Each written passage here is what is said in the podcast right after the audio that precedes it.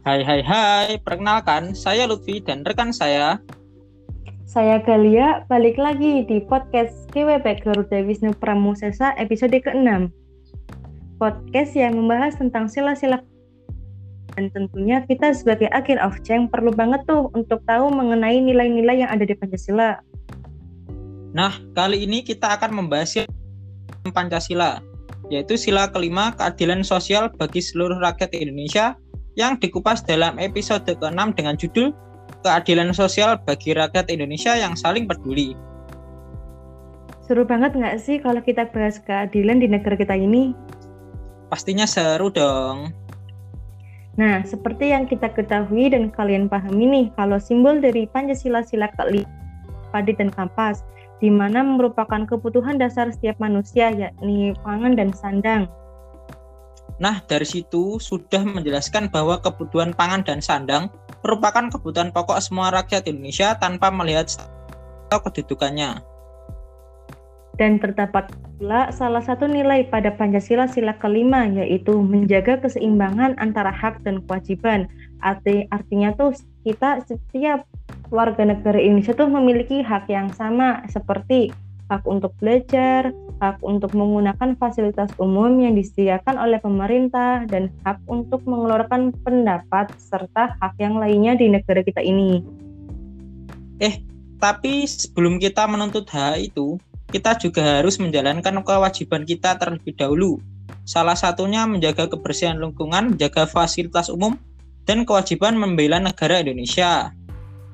Benar banget tuh, ditambah nih makna dari kandungan sila kelima ini yang merupakan tujuan negara untuk tercapainya masyarakat Indonesia yang adil dan makmur nih. Dan tujuan negara tersebut tuh bisa dicapai kalau kita tuh selalu bersikap adil terhadap sesama dan menghormati hak-hak orang lain. Tapi menurut berita-berita yang tersebar, negara kita belum sepenuhnya mengamalkan Pancasila sila kelima ini loh. Hah, beneran kok bisa ya? Beneran. Menurut berita yang ada di sosial maupun di masyarakat, ada orang yang mencuri tiga buah kakao yang harganya cuma rp rupiah. Dihukum satu setengah bulan loh. Sedangkan ada yang korupsi APBD sebesar 14,8 miliar cuma dihukum percobaan dua tahun penjara dan masih banyak yang lainnya. Wih, seriusan cuma dua tahun?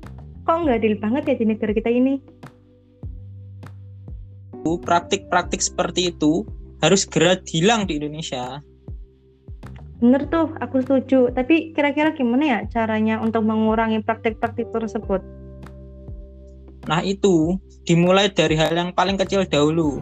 Kita sebagai mahasiswa juga harus bersikap adil kepada siapa pun dan juga tentunya kita tidak boleh mengamalkan eh, tidak boleh melakukan tindakan tercela seperti korupsi, kolusi dan nepotisme.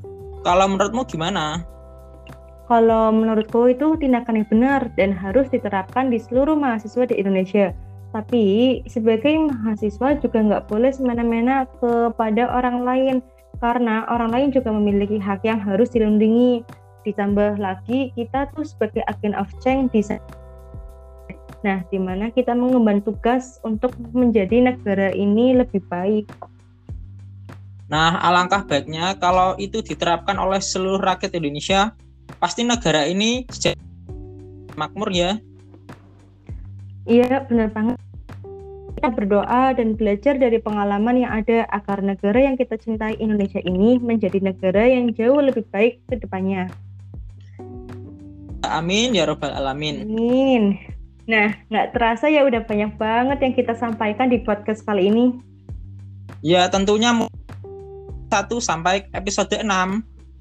Nah, stay tune ya episode terakhir kami di episode 7. Kami pamit ya, sampai jumpa dan sehat selalu. Bye bye